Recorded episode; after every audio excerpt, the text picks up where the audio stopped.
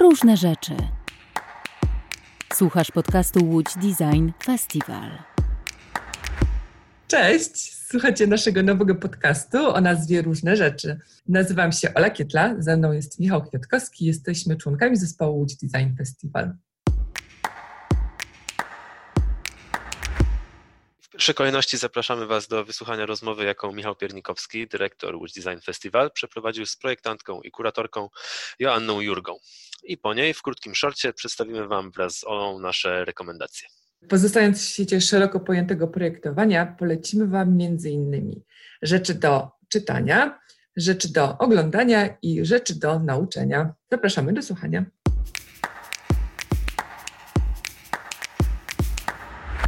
Dziś rozmawiamy o tematyce zdrowia, o tematyce projektowania dla zdrowia, e, nie tylko tego naszego fizycznego, ale również, e, a może przede wszystkim psychicznego. Po drugiej stronie linii siedzi Joanna Jurga. Dzień dobry, Joanno. Witam, witam. Dzień dobry, bardzo mi miło.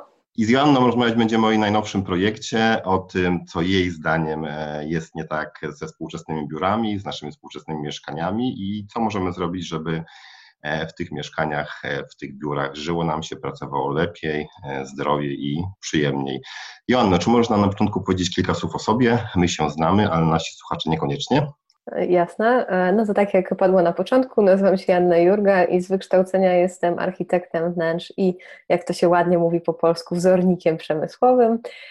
No i rzeczywiście od kilku lat badam poczucie bezpieczeństwa w przestrzeni i w architekturze, i w relacji do obiektów, i tak naprawdę gdzieś w tej całej mojej drodze zawodowej stałam się projektantem doświadczeń, czyli bardziej skupiam się na tym, jak funkcjonujemy w przestrzeniach czy w relacji do obiektów i jak rozpoznajemy przestrzeń zmysłowo za pomocą tych zmysłów, które mamy, e, a mniej już na bardzo konkretnych rzeczach, jak na przykład zaprojektowanie konkretnego krzesła, lampy e, czy konkretnego wnętrza jako biuro. Stałam się też ze względu na to, że zostałam wykładowcą, stałam się dużo bardziej badaczem i obserwatorem e, i, i poszukiwaczem rozwiązań niż, niż takim projektantem, który siedzi i produkuje nam nowe kubki.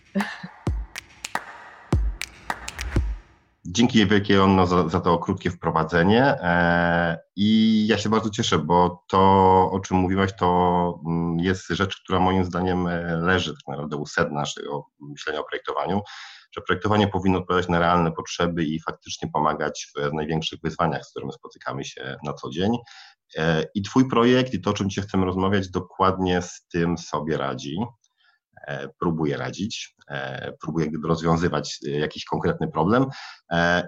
I no właśnie, tak naprawdę powszechne jest przekonanie, że żyjemy w czasach niezwykle stresujących, w czasach, które obciążają nas psychicznie, które zmagają nasze lęki. Czy czy zgadzasz się z tą, e, z tą opinią i czy tak rzeczywiście jest? Czy to jest w ogóle tak, że ja tak jak od tych trzech lat zajmuję się już ściśle badaniem poczucia bezpieczeństwa i w przestrzeni i w izolacji na przykład, no to przejrzałam tonę danych, papierów, wyników, ankiet i, i tym podobnych rzeczy. Sama też prowadziłam różne badania. I te dane były zatrważające, w sensie 40% ludzi na świecie ma problemy ze snem, z czego 10% Polaków ma zdiagnozowaną bezsenność. 19% Polaków nie ma w tygodniu czasu wolnego dla siebie i tak dalej, i tak dalej, i tak dalej.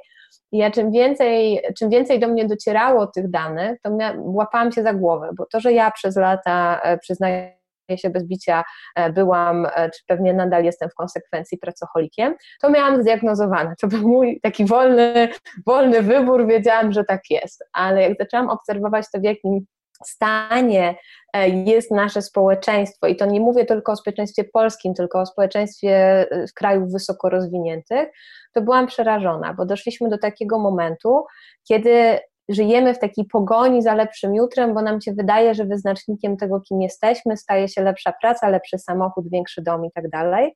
W ogóle zapominając o tym, że to nasze ciało ma limity i, i nasza głowa ma limity. Jeżeli my nie zadbamy o ten taki szumny slogan pod tytułem well-being, czyli o to, żeby nam po prostu było dobrze, żebyśmy mieli szansę się wyspać, żebyśmy mieli szansę spokoju zjeść, to zaczynamy wariować. No i tego efekty mamy tak naprawdę na szeroką skalę, bo mamy przeładowane e, gabinety terapeutyczne, mamy największe zużycie w ogóle psychotropów i, i innych substancji antydepresyjnych w historii, znaczy odkąd je badamy, bo wiadomo, że w historii bywało różnie, ale odkąd je badamy. Więc doszliśmy do takiego momentu społecznie, kiedy widać, że ludziom jest trudno, że ten świat, który się zadział, który sobie stworzyliśmy, przestał być dla nas wygodny. I on wygląda fantastycznie na billboardach. E, zresztą to jest, to jest w ogóle arcyciekawe, bo 80% bodźców, które do nas dociera, bodźców zmysłowych, to są właśnie bodźce wzrokowe. No i te 80% informacji ze świata to jest to, że tam wszędzie ten świat jest taki piękny. Na Instagramie nasi znajomi mają perfekcyjne wakacje, na nas czeka nowa fura w leasingu. I my tak pędzimy jak te szczury albo jak te chomiki na tych kółkach, żeby jak najszybciej dobiec, w ogóle nie zwracając na to uwagi, że po prostu to już jest enough. I to bardzo ciekawie pokazał ten lockdown, który, który się zadział, kiedy ludzie, część ludzi nagle się dość drastycznie zatrzymała, rozejrzała wokół siebie i powiedziała, hmm, no Houston, no mamy problem. I ja miałam przyjemność rozmawiać z, z neurologiem, do którego zadzwoniłam i mówię, wie pani, pani doktor, bo mnie boli głowa teraz częściej niż wcześniej. A ona mówi, ale to jest zupełnie normalne, bo pani obroty dopiero mogły zwolnić, więc dopiero ciało panią informuje, że coś jest nie tak. I, I to jest takie namacalne, że wiele, bardzo wiele osób, które znam w tym momencie, kiedy przymusowo została zatrzymanych, nie wyjechała na rajskie wakacje na dwa tygodnie, udowodnić, że może pojechać na plażę, czy wyżej polecieć na kajcie, czy zjechać z bardzo ostrej góry na freestylu, tylko kiedy nagle zatrzymało nas w tych blokach startowych, to część z nas się rozejrzała i stwierdziła, hmm, no jest ciężko. No i to się z jednej strony skończyło po prostu przeciążeniem linii do terapeutów i po recepty, a z drugiej strony też e, ogromna rzesza ludzi po prostu została zmuszona do refleksji i te refleksje no niestety nie zawsze są pozytywne. Jasne. E, to jest też dla mnie niesamowicie ciekawy temat, bo sam Twój projekt to projekt, który oczywiście powstał długo przed, e, przed lockdownem, przed wybuchem e, pandemii, generalnie gdyby wzrostem chyba obaw takich społecznie dostrzegalnych. Tak naprawdę wszędzie w tym momencie widzimy, że, że ten lęk, strach, stres narasta. No ale sam projekt tak naprawdę pojawił się o wiele wcześniej i chyba odpowiadał też na troszkę inne wyzwania. E, zaczęłaś o tym mówić, także żyliśmy rzeczywiście w niesamowitym tempie i chyba mieliśmy takie przygotowanie, że w pracy możemy za swoim organizmem robić wszystko. E, potem wystarczy nam, nie wiem, tydzień, dwa tygodnie krótkiego urlopu po to, żeby wrócić raz jeszcze do pracy i w takim rytmie 8, 10, czasem 12 godzinnym e, intensywnie pracować. E, czy dobrze mi się wydaje, że rzeczywiście to był taki pierwszy, pierwszy punkt wyjścia do Twojego projektu, czyli co zrobić, żeby tak naprawdę nie musieć odreagowywać w taki sposób, jak powiedziałaś, właśnie freestyle'owy, także rzucamy się w jakieś wakacje, rzucamy się w odreagowywanie. Tak, skrajne doświadczenie. Dokładnie tak, tylko żeby tak naprawdę na co dzień i na, nie tylko w pracy, ale również w domu e, otaczać się, no właśnie, czy otaczać się przedmiotami, czy przygotować przestrzeń, czy czy co dokładnie można zrobić, żeby e, no właśnie na co dzień e, ułatwiać sobie, tak, radzić sobie ze stresem, ułatwiać sobie e, jak gdyby rozwiązywanie tych problemów takich obciążających nas przede wszystkim psychicznie. To jest tak, że ja jestem w nieprawdopodobnie uprzywilejowanej sytuacji, bo ja od wielu lat praktykuję medytację. I ja w tym swoim całym wiecznym biegu zawsze miałam te pół godziny dziennie dla siebie, kiedy siadałam i byłam tylko z oddechem. I zobaczyłam po latach, co to realnie mi daje. I nagle zdałam sobie sprawę, że to, że mam taką wydolność i to, że mogę i w ogóle umiem się zatrzymać chociaż na chwilę, e, jest dla ludzi zupełnie obce. I jak zaczęłam uczyć ludzi medytacji i siadać z nimi i oddychać z nimi, no to sobie nagle zdałam sprawę, że hmm, no nie jest dobrze, bo my po pierwsze oddychamy bardzo intuicyjnie, znaczy właściwie nawykowo i bardzo często bardzo płytko jesteśmy permanentnie niedotlenieni. I już jak spotkamy się sami ze sobą, czyli właśnie wyłączymy radio w samochodzie, telefony, maile od szefa, e, krzyczące dzieci, psa, który szczeka na spacer, e, kredyt banki, cała reszta, to my się sami nie znamy, bo my jesteśmy w tak strasznym pędzie, jesteśmy tak cudownie przebodźcowani, do czego zaraz wrócę, że mamy problem w ogóle w relacji tego, kim my jesteśmy i czego my realnie potrzebujemy. Nie to, czego potrzebuje od nas społeczeństwo, czy, czy co stanowi o naszym statusie, tylko to, co dla nas jest ważne. No i z tych wszystkich moich obserwacji i jako architekt wnętrz wchodzący ludziom do domów i te domy przeprojektowujące, to też bardzo często te spotkania z nowymi klientami zaczynały się od tego, że chcemy mieć jak sąsiedzi, albo chcemy mieć jakby Elder Cohassion, albo coś tam. Czyli nie rozmawiamy o swoich realnych potrzebach, typu ja pracuję w domu, potrzebuję duże biurko, a ja biegam, więc muszę mieć bieżnię, a ja coś tam, a nasze dzieci uczą się przy stole w kuchni, więc ten stół musi być gigantyczny, bo się nie mieścimy. Tylko od tego, że hmm, teraz jest modny styl nowojorski, cokolwiek on znaczy, i my chcemy mieć tak, bo tak jest w gazetach. Więc to przerobienie przez te 12 lat pracy jako wnętrzarz z ludźmi tych zagadnień i wchodzenie do tych domów i tak naprawdę mierzenie się z tym, żeby tym ludziom delikatnie powiedzieć, pokazać, że ich potrzeby są kompletnie gdzie indziej. To była taka pierwsza szkółka pod tytułem: No, okej, okay, e, bardzo często jesteśmy tak przeładowani tą informacją z zewnątrz, którą traktujemy jak informację własną, że znów nie wiemy, czego chcemy. Potem zaczęły się te moje przygody z, z uczeniem ludzi bycia ze sobą, czyli właśnie z medytacją. No i tu już w ogóle wyszły genialne rzeczy, bo klienci się nie przyznają do tego, że mają depresję albo przyznają się rzadko. A jak się sadza ludzi przed ścianą, no to oni opowiadają czasami bardzo, bardzo prywatne historie i nagle się okazało, że ci ludzie, którzy na pozór są w ogóle mistrzami opanowania i nam się wydaje, że oni są super, mają wszystko poukładane, no to tam rzeczywiście dzwoni i jest problem. W międzyczasie doszły wszystkie moje projekty, które dotyczyły badania i, i, i, projektowania na skraju, projektowania zaangażowanego społecznie, czy związanego z tematami tabu i dotykania na przykład zagadnienia śmierci społecznie, gdzie w ogóle uu, wyjmujemy trupy z szafy, jest problem, przecież śmierć to nie jest temat, który poruszamy przy stole, my wszyscy jesteśmy nieśmiertelni. I jak zebrałam te cały cały swój worek doświadczeń zawodowych, no to się właśnie i zaczęłam się zastanawiać, skąd tak się dzieje, no to zaczęłam przyglądać się człowiekowi jako takiej dwunożnej istocie, która przede wszystkim poznaje świat za pomocą zmysłów.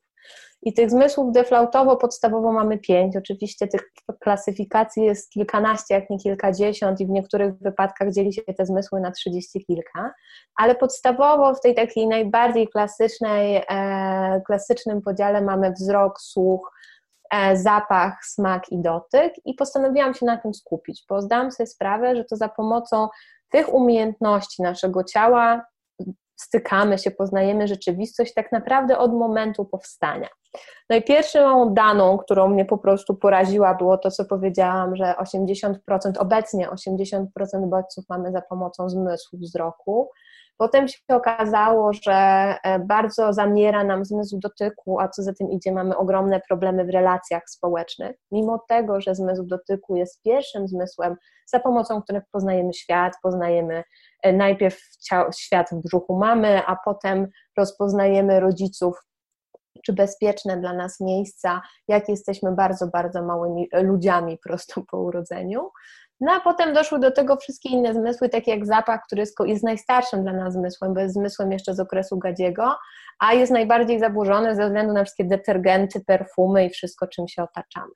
No i jak zaczęłam badać te zmysły, no to się okazało, że rzeczywiście cały nasz odbiór rzeczywistości, przez to jak żyjemy i jak te zmysły musiały się zaadaptować do funkcjonowania w XXI wieku, kompletnie zwariowały. No i postanowiłam zrobić projekt, który finalnie właśnie chcemy pokazać w tym roku na Łodzi, e, który tworzy taką przestrzeń deprywacji sensorycznej, tylko nie w pełnej deprywacji, czyli nie pełnego odcinania zmysłów, bodźców zmysłowych, ale takiego absolutnego zadbania o ludzkie zmysły, żeby dać ludziom szansę wejścia do takiej przestrzeni, w którym oni podprogowo niezależnie od swojej woli, znajdą się w sytuacji, gdzie jest im dobrze, gdzie te zmysły są zaopiekowane, gdzie natężenie światła nie razi po oczach, gdzie zapach jest atawistycznie związany z odpoczynkiem i z relaksem, gdzie dotyk jest miękki jak samitny, gdzie te wszystkie rzeczy, z którymi obcujemy, robią nam po prostu namacalnie dobrze.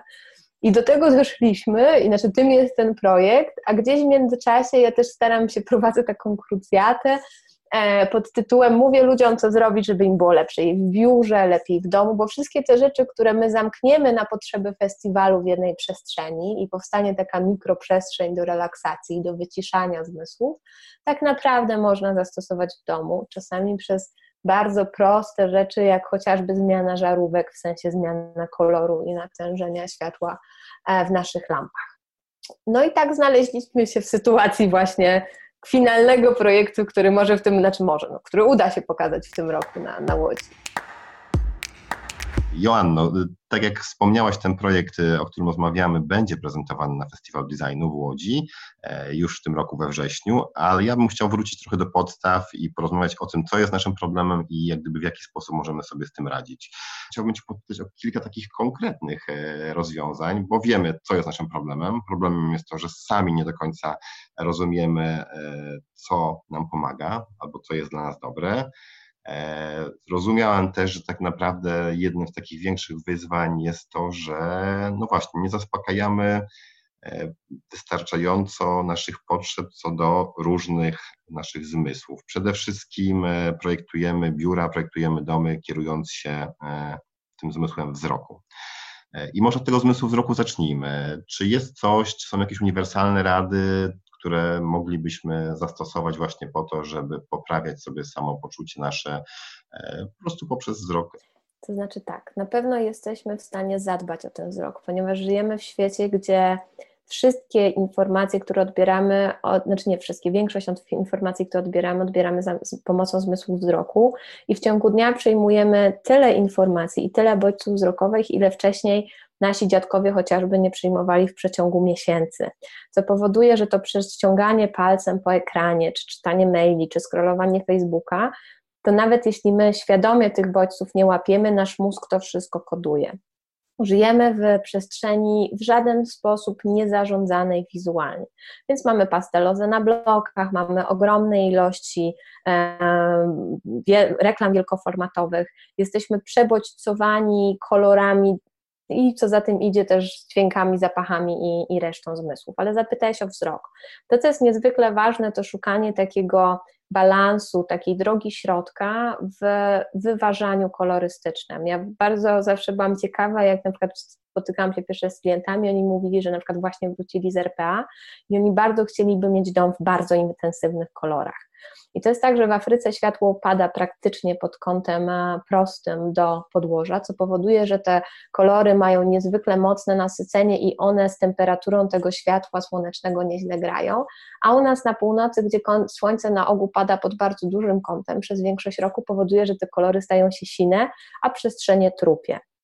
I to jest tak, że nie da się, nie ma uniwersalnej zasady dla całego świata, że tylko takie kolory sprawdzą się na całym świecie. Oczywiście będą e, tacy twardzi wyznawcy skrajnego minimalizmu, e, którzy wygięli ideę Miesa van der Rohe do Ente i będą mówić, że białe na białym to jest jedyne dobre rozwiązanie. I oczywiście białe na białym, jak zastosuje się len, bawełny, te biele się e, roz, rozcieńczy śmietaną czy, czy szarością, to rzeczywiście one będą dla nas przyjemne ale tu ogromną rolę odegra światło. To, co robi nam przestrzeń, to w większości wypadków jest światło. Jesteśmy w stanie zaprojektować właśnie, tak jak wspomniałam, biało-betonową przestrzeń, która jeżeli będzie oświetlona ciepłymi, ciepłą barwą światła, będzie miała dużo zieleni w środku, to będziemy się w niej czuli bardzo komfortowo.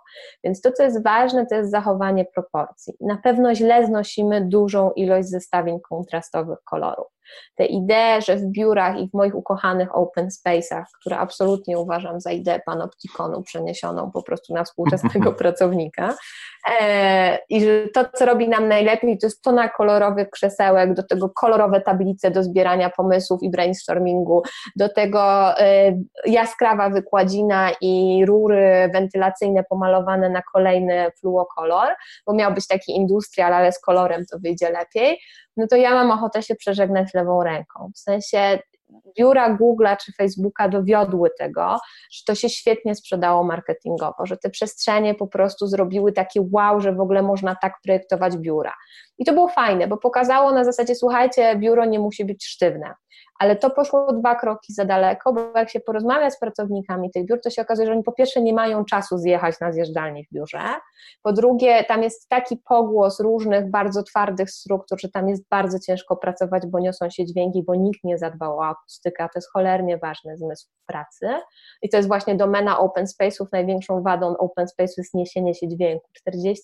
40% Polaków ma problemy ze słuchem właśnie ze względu na to, że my jesteśmy w ciągłym, ciągłym szumie. E, I to przebodźcowanie przede wszystkim w przestrzeniach biurowych spowodowało, że my w ogóle w tych biurach nie potrafimy się skupić. I jak ja czasem rozmawiam z jakimiś menadżerami, oni mówią, bo mój zespół nie potrafi się skoncentrować, a siedzę właśnie w takim biurze, gdzie wszystko jest jaskrawe, kolorowe i wydizajnowane, jak to się ładnie mówi, to mam ochotę powiedzieć, no wie pan co, jakby pan połowę tego wyrzucił, większość ścian pomalował na biało i zostawił elementy i wprowadził jeszcze panele akustyczne i rośliny żywe, nie plastikowe, to gwarantuję panu, że naprawdę wydajność wzrośnie co najmniej o 30%, a ludzie będą przychodzili z chęcią pracy w tym biurze, bo to jest też ciekawe, co pokazał nam lockdown, że ludzie, którzy mają na przykład dzieci, czy mają bardzo dużo zobowiązań rodzinnych, opieka nad dziadkami, czy nad rodzicami, e, czy małe dzieci w domu, czy jakiekolwiek, czy żyją w bardzo małych mieszkaniach, dla nich biura są wentylem, miejscem, gdzie oni powinni móc się skupić i powinni być wydajni. I w momencie, kiedy my im w tym wentylu pracy zrobimy kakafonię barw, dźwięków i kolorów, to oni w ogóle są nieprawdopodobnie przebodźcowani, bo nie daj, że mają swoje zobowiązania społeczne w domu, w przestrzeni, w której żyją prywatnie, to jeszcze wchodzą do biura, gdzie po prostu ten mózg im wybucha no i dochodzimy do takiej strasznej sytuacji, o której już mieliśmy przy okazji, okazję rozmawiać, a mianowicie o tym, że największa ilość alkoholu w Mordorze w Warszawie sprzedaje się do 11 w sklepach typu Żabka i są to małpki, czyli że człowiek musi się znieczulić, żeby w ogóle do tej pracy wejść. I to jest, i to jest przerażające, a do tego wszystkiego jak ktoś jeszcze mu naklei na drzwiach do kibla, że kibel jest, ma awarię, Czyli on nie może w jedynym miejscu, gdzie nikt go nie słyszy i nie widzi się wyryczeć, albo po prostu zamknąć w tej kabinie i pobyć chwilę ze sobą, to mamy po prostu stan załamania nerwowego. I o tym się społecznie nie mówi. O tym się mówi, mówi się o tym, że mamy teraz piękne biura, mamy open space, dajemy bardzo dużo benefitów, albo dawaliśmy bardzo dużo benefitów, ale nie dbamy o, ten, o podstawę, o ten fundament zdrowego pracownika czy obywatela. Myślę, że niesamowite rzeczy opowiadasz. E, e, my już trochę, tak wspomniałaś, o tym rozmawialiśmy, ale gdyby każda rozmowa e, mnie pobudza do dalszego myślenia. Czyli znów ja trosz, troszkę będę porządkował i dopytywał się jeszcze. Rozumiem, że gdzieś w pewnym momencie zapomnieliśmy o tym, że no właśnie, to co jest dobre na placu zabaw na przykład i wtedy kolorowe, przebodźcowane, mhm. e, jakby różnego rodzaju rozwiązania są fajne, ale w biurach niekoniecznie to się sprawdza i znów chyba wracamy do tego samego, czyli że my do końca nie rozumiemy, co dla nas jest dobre, e, bo no właśnie, jak gdyby z chęcią takie biura, które nam obiecują masę zabawy, frajdy, wybieramy, a rozumiem, że to nie zawsze jak gdyby są najmądrzejsze e, z punktu widzenia takiego obiektywnego e, decyzje. Znaczy to jest w ogóle tak, zaczynając od placów zabaw, bo to jest bardzo ciekawe. My, dzieci jak się rodzą, widzą tak naprawdę w monochromie i dopiero w okolicach drugiego roku życia zaczynają widzieć kolory tak realnie jak dorośli ludzie i do tego zaczynają widzieć i najbardziej od połowy, od szóstego miesiąca życia, od połowy pierwszego roku, zaczynają widzieć kontrasty, co powoduje, że robienie na przykład dzieciom pokoje pastelowe jest fantastyczne, tylko dzieci tego nie widzą. To jest laurka mhm. dla rodziców. I to, że place zabaw są odjechane, kolorowe i oczywiście mogą być zrobione z wyczuciem i, i, takie są przykłady i już dzięki Bogu w Polsce i na świecie, to jest ekstra, bo to na dzieciaki działa pobudzająco, dzieci też muszą mieć przestrzeń, gdzie mogą się zmęczyć, ten mózg im, mózg im codziennie wypucha milionem nowych połączeń neuronowych, to jest dostosowane do ich wieku. W momencie, kiedy jesteśmy coraz więksi i zdobywamy coraz większą ilość informacji ze świata, ale wchodzimy też w rutynę i w różnego rodzaju zobowiązania, ale przede wszystkim nasze dni są niezwykle aktywne, to nasz mózg potrzebuje mieć przestrzenie, w których może się skupić.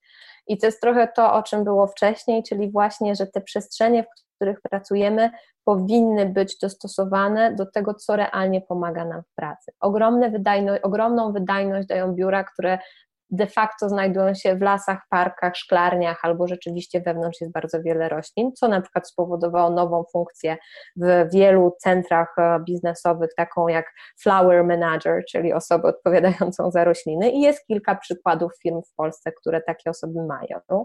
I to jest ciekawe, tak jak są hotele, które wprowadzają atmosphere managera po to, żeby właśnie zadbać o tą jakość, e, jakość usług nie tylko pod kątem tego, jak e, w hotelu jest serwowana kolacja albo czy wypracowana dopasowana jest pościel, ale właśnie pod kątem dopasowania ilości bodźców do danych momentów w ciągu dnia czy w ciągu roku. Ja jestem przekonana, że Dlatego mamy różne zawody na świecie, czyli mamy prawników od prawa, lekarzy od leczenia, inżynierów od budowania mostów, oczywiście niezwykle upraszczam, e, czy specjalistów branży IT, którzy stawiają nam systemy. Dlatego mamy też projektantów, którzy poświęcają życie na to, żeby się dokształcać i uczyć w, w takiej dziedzinie robienia ludziom dobrze, czyli projektowania tego, co ma im pomagać w życiu. To jest oczywiście moje bardzo idealistyczne podejście, ale ja nadal uważam, że taką główną podstawą designu jest to, żeby dawać ludziom przestrzenie i obiekty, które podnoszą jakość ich życia. I to nie jest tak, że każdy musi mieć doktorat e, z percepcji wnętrz, e, z homeopatii, neurochirurgii e, i prawa karnego, tylko musimy umieć korzystać z wiedzy innych ludzi. Ja w tej chwili i musimy też mieć na to otwartość. No i to jest system edukacji, który u nas trochę leży i zabija otwartość i ciekawość ale ta, to, to, to, to pozwolę jak zdychasz, ale to zaufanie do tego, że to, że ktoś nam przychodzi i mówi, słuchajcie, możemy zrobić to lepiej, albo możemy poprawić Twoją przestrzeń i nie będzie może ona wyglądać tak, jak właśnie najnowsze wydanie magazynu wnętrzarskiego, ale zrobi Twoim pracownikom czy Twojej rodzinie dobrze, to jest właśnie to takie zaufanie pod tytułem po to biorę specjalistę, że on prawdopodobnie wie, co robi. Mam nadzieję, że to prawdopodobnie to oczywiście troszkę ironicznie, zakładamy, że tak, dobry specjalista wie, co robi.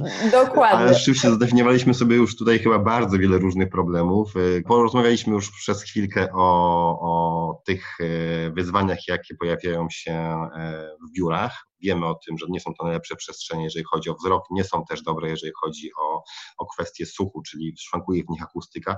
Co jeszcze? Co jeszcze tak naprawdę powinniśmy zmienić w open space'ach, żeby nam się lepiej pracowało i żebyśmy byli wydajniejsi i wychodzili e, po pracy do domu szczęśliwsi? Znaczy przede wszystkim zakładając, tworząc nowe biuro albo biorąc pod uwagę chęć przeformatowania biura, warto się zapytać samych siebie czy swoich pracowników, czy open space jest rzeczywiście tym, co robi nam najlepiej. Dlatego, bo jeżeli zrobimy, i takich badań jest bardzo dużo, ale jeżeli zrobimy prostą ankietę we własnym biurze, w którym jest kilkunastu czy kilkudziesięciu pracowników, i my sami, jako osoby zarządzające nimi, siedzimy w zamkniętych pokojach, czyli te problemy dużo mniej nas dotyczą, to zdamy sobie sprawę, że tym ludziom po prostu jest źle i oni o tym wiedzą. Bo tak jak wspomnieliśmy, jest problem hałasu, jest problem dźwięku, jest problem większości biurowców nieprawdopodobnie suchego suchego powietrza, czyli problem, który przekłada się też potem na odwodnienie organizmu, bo ciągłe działanie klimatyzacji powoduje, że my się po prostu i przestrzenia, co za tym my, nasze ciała się wysuszamy. Brakuje kontaktu z zielenią, a to jest w ogóle arcyciekawe, bo zieleń jest nam atawistycznie potrzebna do szczęścia. Jeśli pytamy astronautów, którzy spędzili kilka miesięcy czy rok na Międzynarodowej Stacji Kosmicznej, czego im najbardziej brakowało, poza oczywiście bliskimi, to pierwsze, co powiedzą, to jest roślinności. Myśmy zeszli z drzewa, idąc za teorią ewolucji, i nieprawdopodobnie głęboko mamy zakorzeniony kontakt z naturą. I to też bardzo pięknie pokazały te ostatnie dwa miesiące, że nagle, kiedy ludziom zabroniono chodzenia do lasu, to się okazało, ale jak to? Przecież to jest moja podstawowa potrzeba.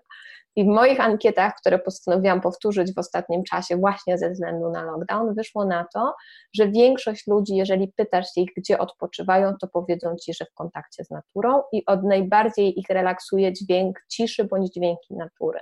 I to są takie próby na zasadzie, wiesz, mamy 200 osób czy 300 i 60% z nich mówi, że natura. I to o czymś świadczy. I to samo dotyczy się biur, więc jeżeli przeniesiemy tą naturę, te rośliny do do biur, to tym ludziom po prostu będzie przyjemniej. A do tego wszystkiego są rośliny, które i pięknie utrzymają nam wilgotność powietrza i też pięknie oczyszczą to powietrze, co w centrach dużych miast jest też niezwykle tak naprawdę ważne, a mamy w tej chwili już rośliny, które też potrafią oczyszczać powietrze z grzybów czy wirusów. Więc to jest taka ogromna wartość dodana wprowadzania roślin do biur. Poza tym dochodzimy do kolejnego zmysłu, czyli do zmysłu węchu. A mamy problem społeczny zdiagnozowany, to, że nie wszyscy dbają o swoją higienę tak, jak powinni. E, I bardzo często, jak się zaczyna prywatnie rozmawiać z pracownikami dużych biur, to oni mówią, że bardzo lubią pana X, ale on niestety nie pachnie po 15 najlepiej. E, I tak dalej, i tak dalej. I to, że ci ludzie są stłumieni mniejszych czy większych przestrzeniach wspólnie powoduje też różne napięcia, nie dlatego, że pan X czy pani Y wykonują swoją pracę, tylko dlatego, że są dla nas uciążliwi, bo na przykład jedno z nich bardzo dużo rozmawia przez telefon, drugie je przy biurku, trzecie ciągle wstaje po kawę, czwarte, żeby rozmawiać musi chodzić, no bo są ludzie, którzy żeby móc się skupić zaczynają chodzić i tak dalej, i tak dalej. I tak naprawdę stworzenie idealnych biur to jest dobranie kompetencji ludzi, którzy siedzą wokół siebie i w pewien sposób wydzielanie im przestrzeni. To nie chodzi o to, że od razu musimy budować cele dla każdego pracownika osobne, bo to też wielu, prac, wielu osobom nie służy, bo jednak ludzie z zasady są zwierzętami stennymi, ale dopasowywać kompetencje. Wiadomo, że programiści będą bardzo mało mówić i w większości będą siedzieć ze słuchawkami na uszach i jeżeli i większości będą to mężczyźni, więc jeżeli wsadzimy ich do stosunkowo e, dedykowanego pomieszczenia, to jest szansa, że im, oni nie będą sobie w pracy przeszkadzać.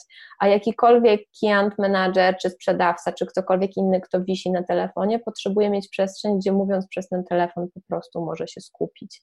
I tu dochodzimy do zmysłu dotyku, też niezwykle ważnego, bo nam się z perfekcyjnym biurem kojarzą marmury, beton, e, stal nierdzewna, szkło, czyli taka ultra nowoczesność, a to są wszystko materiały, które generalnie poza tym, że świetnie odbijają dźwięki, czyli jeszcze dodają nam efekt echa, czyli te nasze uszy już w ogóle więdną, to jeszcze dochodzi to, że one są w dotyku zimne, one są nieprzyjemne, one budzą wrażenie chłodni, e, więc my nie czujemy się w nich komfortowo. Jak pytam się ludzi, jaka powierzchnia jest dla nich najbardziej naturalna, to zawsze lądujemy w drewnie i w naturalnych materiałach typu bawełna czy len. To jest niezwykle ważne, żeby projektując te biura pojawiły się te panele akustyczne, które będą miękkie, no bo są miękkie, tak są skonstruowane, żeby obicia na krzesłach niekoniecznie były skórzane, tylko były czymś, czego jak dotykamy, to mamy wrażenie, że, że, że to, ta, ta tkanina nas otula, żeby te przestrzenie, w których jesteśmy, nie były tylko błyszczące, tylko były chociażby matowe, bo to też w relacji ze zmysłem dotyku i połączenia zmysłu dotyków ze wzrokiem daje nam zdecydowanie większe poczucie przytulności. Więc to, jest, to się wszystko bardzo mocno i bardzo pięknie przenika, ale zadbanie o to, że te biura stają się dla nas przyjemne i przyjazne i pojawia się w nich i drewno, e, i właśnie jakiś rodzaj dywanów czy wykładzin, e, czy powierzchni matowych powoduje, czy właśnie naturalne tkaniny na obiciach powoduje, że od razu ten nasz sposób rozluźnienia ciała i ta przyjemność bycia w przestrzeni znacząco wzrasta. I znów tak naprawdę jednym z największych problemów jest to, że projektujemy przede wszystkim pod wzrok. Wszystko świetnie wygląda na zdjęciach, a niekoniecznie już sprawdza się w praktyce. E, świetnie, to w takim razie ja już e, pod koniec naszej rozmowy zadam Ci kilka pytań o sam Twój projekt, o Matrix, bo e, no, to tak chyba też jest, że w praktyce wiemy, że biura mamy już, one w większości nie są tymi biurami wymarzonymi, idealnymi, Oczywiście możemy w jakiś sposób sobie z nimi e, radzić. E, mnie się tu bardzo podobał temat zieleni, bo rzeczywiście ta zieleń chyba wpływa na wszystkie możliwe e, zmysły i tak naprawdę po prostu wprowadzona nawet do źle zaprojektowanych biur może nam troszkę ulżyć. No a to są też kwestie kosztów i tak interpretuję Twój projekt, projekt Matrix, że w sytuacji, w której nas nie stać na to, żeby to biuro dostosować idealnie, możemy tak naprawdę pomagać naszym pracownikom radzić sobie z tymi wyzwaniami i zwykłymi zawodowymi, ale również tymi, które niesie, niesie ta nie do końca dobrze zaprojektowana przestrzeń. No właśnie, proponując im co? Czy proponując im przede wszystkim jakąś alternatywę. Coraz więcej firm, i to jest bardzo pozytywny feedback, tworzy właśnie takie pokoje ciszy, właśnie wydzielając jakieś pomieszczenie do tego, że, że można na chwilę się zamknąć i odciąć od tego open space'u, na prumy, do których jestem z wielu powodów trochę mniej przekonana, ale stara się znaleźć alternatywy. Zatrudnia nauczycieli jogi, czy stworzy pokoje do masażu, gdzie ci ludzie po prostu mogą na chwilę zająć się sobą. Moim, moją ideą było stworzenie i wytycznych projektowych, a, które mają ułatwiać ludziom, że tak powiem, mierzenie się z własną przestrzenią, czy z przestrzenią biurową, takich prostych wytycznych właśnie o tkaninach, o świetle, e, o użytych materiałach, które mają pomagać projektować przestrzenie bardziej przyjazne użytkownikowi. No ale zwieńczeniem tego całego projektu jest właśnie projekt Matrix, który pokażemy na Łodzi, nazywa się Matrix Relaksuj się. I jest to przestrzeń, która zebrała te wszystkie wytyczne projektowe w jednym miejscu, właśnie po to, że jeżeli nasze biura, nasze domy, przestrzenie, w których funkcjonujemy, nie spełniają albo nie mają możliwości na ten moment spełniać tych wytycznych, to że możemy wejść do takiej przestrzeni, pójść do niej na taką sesję e, kilkunastominutową, czy, czy przyjść na otwartą sesję i posiedzieć tyle, ile potrzebujemy, w przestrzeni, która jest zaprojektowana po to, żeby robić nam dobrze. I ta przestrzeń niczego od nas nie oczekuje. My nie musimy w niej świetnie wyglądać, my nie musimy w niej w żaden sposób się nikomu z niczego wyspowiadać ani zaprezentować. My do niej przychodzimy pobyć ze sobą, poddychać, e, przespać się, jeżeli ktoś ma taką potrzebę, e, po prostu być ze sobą i zauważyć, jak reaguje na taką przestrzeń nasze ciało, jak się rozluźnia, jak zmiękcza nam się wzrok, jak e, inaczej zaczynamy funkcjonować w przestrzeni, która nas nie atakuje, która nie jest dla nas agresorem, tylko wręcz przeciwnie, wychodzi do nas z takimi otwartymi ramionami i mówi: usiądź, rozmość się i pobądź tyle, ile potrzebujesz ze sobą, szczególnie wtedy, jeśli nie masz do tego przestrzeni na co dzień. Ja już się osobiście nie mogę doczekać. E, sam będę pewnie pierwszym testerem e, tych przestrzeni.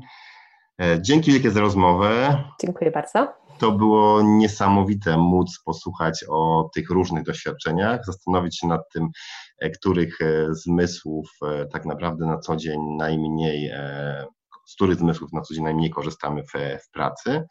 Dzięki wielkie za rady. Mnie chyba w głowie utkwiła jedna, poza tymi wszystkimi dobrymi praktykami związanymi z zielenią, ze zmysłami, to ta na koniec ufaj specjalistom i zwracaj się do specjalistów o, o poradę i taką specjalistkę mieliśmy okazję gościć. Dzięki wielkie Anno. Bardzo mi miło i do zobaczenia już we wrześniu. Do zobaczenia. Dzięki.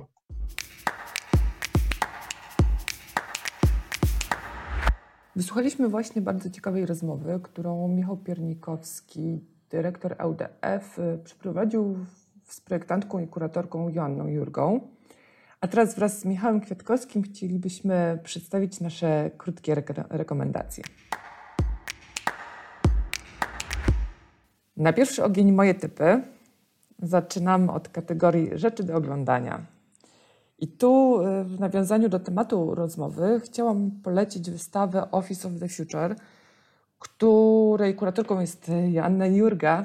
Wystawa była co prawda prezentowana w ramach ubiegłorocznej edycji LDF, e, ale mamy to szczęście, że można ją nadal obejrzeć, tym razem w nieco innej formie, bo, bo cyfrowej, w wersji spaceru 3D, dostępnego na naszej stronie internetowej e, lotsdesign.com, co serdecznie mm, Wam polecam. Sama technologia daje naprawdę niesamowite, niesamowitą frajdę, niesamowite możliwości.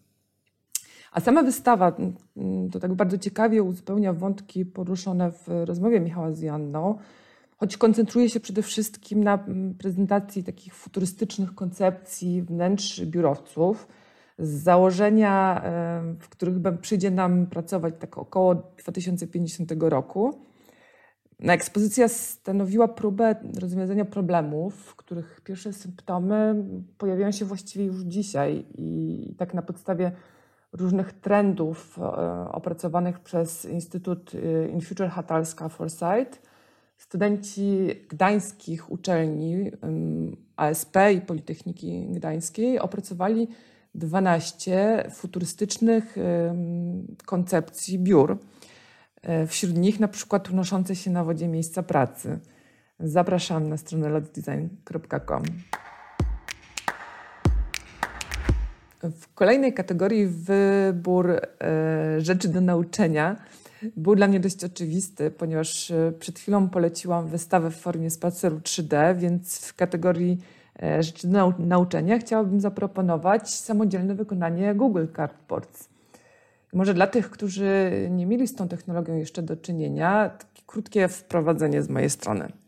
Czym jest Google Cardboards? To są takie tekturowe okulary, właściwie pewnego rodzaju stelaż, który zakłada się na głowę i które wraz z telefonem na Androidzie czy iOSie, to, to nie ma znaczenia, tworzy taki podstawowy i bardzo praktyczny i darmowy przede wszystkim zestaw do oglądania wirtualnej rzeczywistości. Do stworzenia takich okularów wystarczy nam w zasadzie tylko karton, taśma klejąca i nożyczki.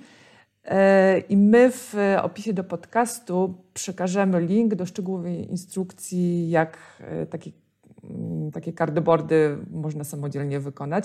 Frajda jest niesamowita, wrażenia także. Polecam do przetestowania z wycieczką, którą znajdziecie na naszej stronie internetowej. No i moja ostatnia rekomendacja, e, dość nietypowa, bo w kategorii rzeczy do czytania chciałabym polecić książkę, której sama jeszcze nie przeczytałam, e, ale o której słyszałam już bardzo dużo dobrego. Mm, a w, najbliższych dniach na, na, na pewno nadrobię tą zaległość. Mowa o książce Ruined by Design, której autorem jest Mike Monteiro. Jest to podobno książka, która wywołuje zdenerwowanie wśród projektantów, przypominając im, że są odpowiedzialni za kształt świata, w którym żyjemy. Bo przecież świat działa i wygląda dokładnie tak, jak został zaprojektowany. To, że istnieje broń do zabijania, że silniki generują zanieczyszczające powietrze spaliny, czy w ramach masowej produkcji powstają także masowe ilości odpadów. To wszystko przecież zostało kiedyś za, przez kogoś zaprojektowane. Książka to przypomina o czymś, o czym od dawna od, i od lat w ramach EUDF, Łódź Design Festival trąbimy. Przypomina o tym, że design to narzędzie o, oczywiście o niesamowitej mocy e, i że projektanci mają nie tylko moc wpływania na nasze życie, ale i moc y, wyboru, z którego za rzadko korzystają. Monteiro podkreśla, że projektanci muszą postrzegać siebie nie tylko jako strażników tego, co wprowadzają y, na świat, ale i tego, czego nie chcą wprowadzić, że to oni poprzez swoją pracę wpływają na naszą rzeczywistość, na to, czy żyje nam się dobrze, wygodnie, zdrowo. E, na szczęście mm, ta lektura to nie tylko same pouczenia, e, ale daje też narzędzia potrzebne do podejmowania lepszych decyzji. Pomaga projektantom w ocenie potencjalnych korzyści e, i szkód związanych z tym, nad czym pracują. Dla mnie to lektura, której bardzo się nie mogę doczekać. Mam nadzieję, że Wam też sprawi przyjemność. Można ją mm, skupić e, online. W opisie do podcastu przekażemy wszelkie e, linki, o których e, teraz wspominałam. No tyle, Michał, ode mnie. Bardzo jestem ciekawa Twoich typów. Podziel się proszę swoimi odkryciami.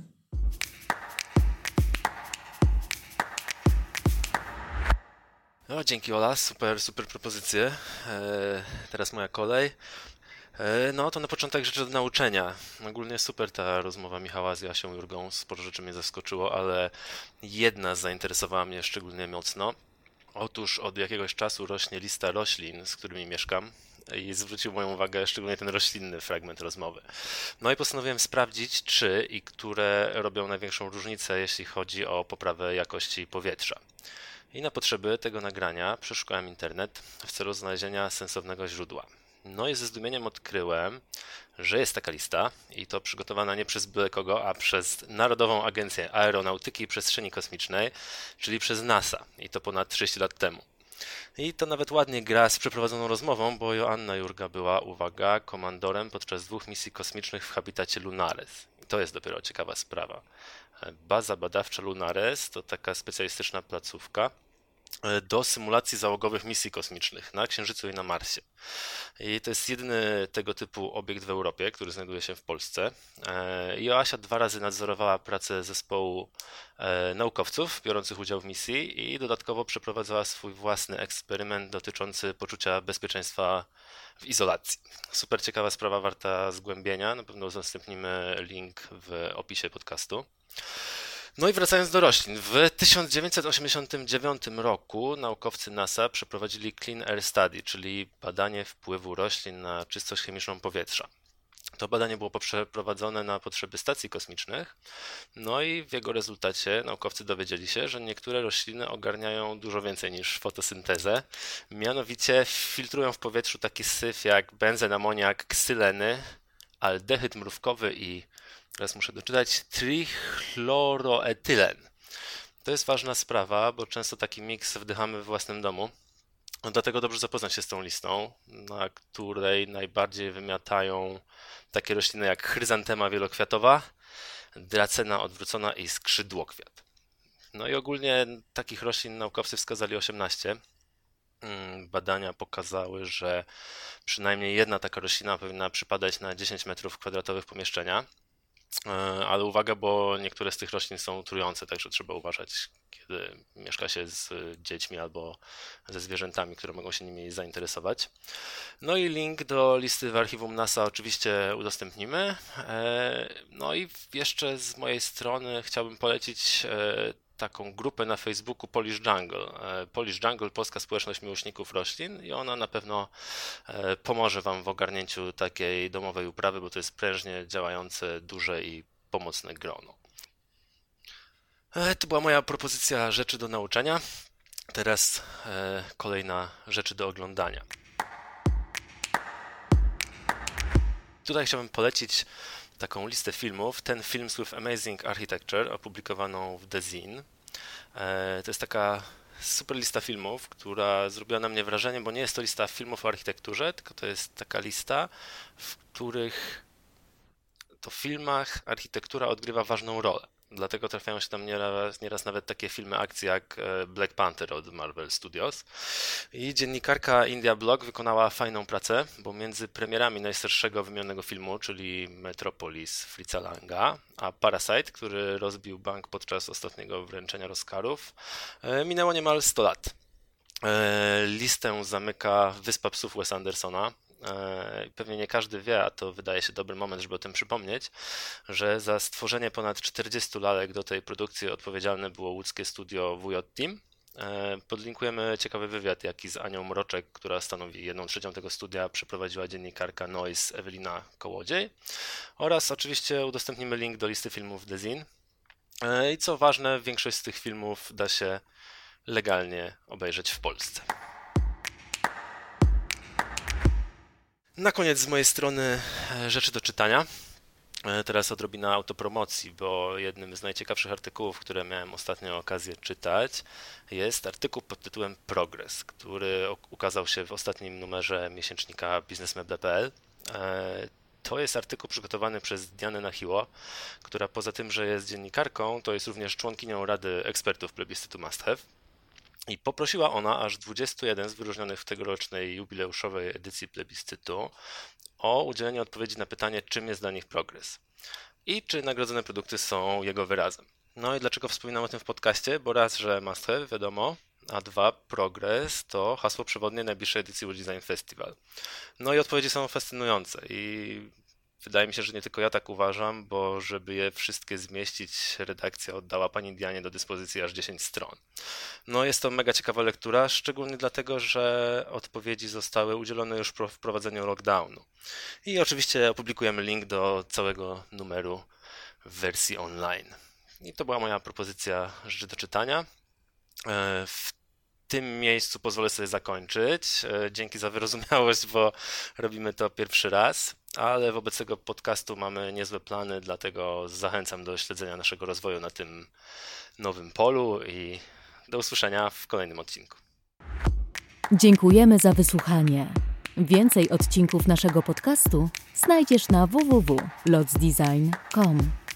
Działamy dzięki wsparciu Łódzkiego Centrum Wydarzeń, Urzędu Miasta Łodzi oraz Ministerstwa Kultury i Dziedzictwa Narodowego dzięki środkom z Funduszu Promocji Kultury.